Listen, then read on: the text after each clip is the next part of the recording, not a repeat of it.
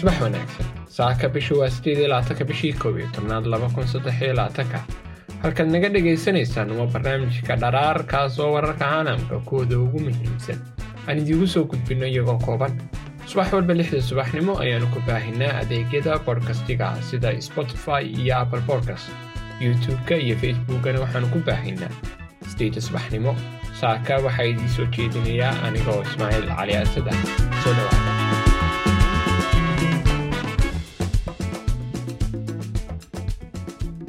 wadahadallo fara badan ayaa socda ama socday iyadoo xabad joojinta israa'iil iyo qasa ay gashay maalintii shalayta hore maalintii ugu dambeysay. Bayaano ka soo baxay israa'iil xamaas maraykanka iyo kuwa kale oo habeen iyo subaxba la sii daayay ayaa waxaynu ku nuuxnuuxsadeen in si deg deg ah loo kordhinayo muddada afarta maalmood ah ee dagaalka hakinta la geliyey maalinta isniinta ahna maalmo kala raaci doonto olole diblomaasiyadeed ayaa sii socda iyadoo labada dhinacba ay diyaariyeen maalintii afaraad maxaabiistii la isweydaarsan lahaa. Israa'iil ayaa dhinaceeda sheegtay inay diyaar u tahay in hal maalin oo dheeraad ah ay ku darto. Hakinta weerarada ay ku haysay marinka khaza si ay u sii dayso toba maxbuus oo dheeraad ah inkastoo ay sidoo kale ku celisay inay doonayso in dagaalka ay sii wado ilaa ay guul ka gaadho madaxweynaha maraykanka jo biden ayaa axaddii sheegay inuu rajeynayay in xabad joojinta. Kumeel gaarka u dhexaysa israa'iil iyo xamas ay sii socoto ilaa iyo inta maxaabiista las wada dhaafsanayo. Dhinaca kale xamaas ayaa shalay sii daysay toddobiyo toban qof oo kale oo ay ku jiraan gabar afar jir ah oo israa'iil maraykan ah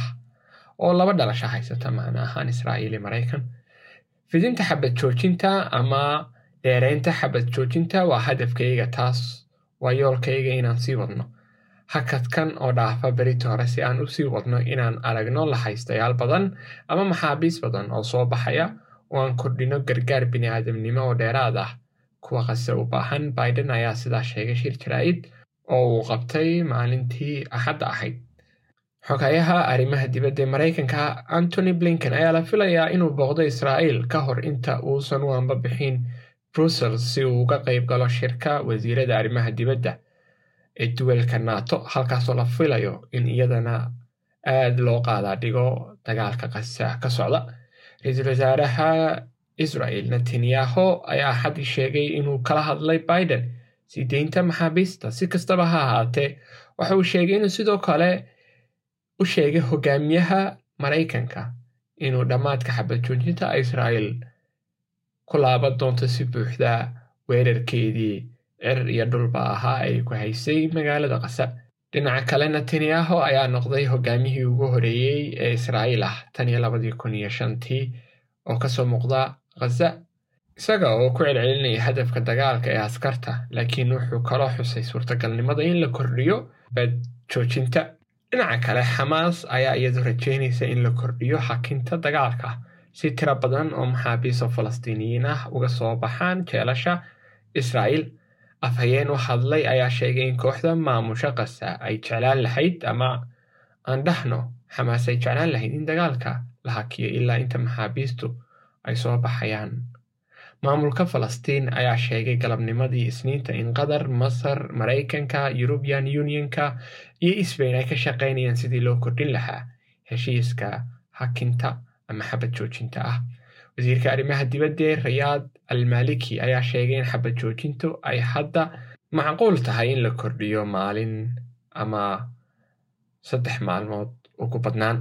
Laakiin wuxuu intaa ku daray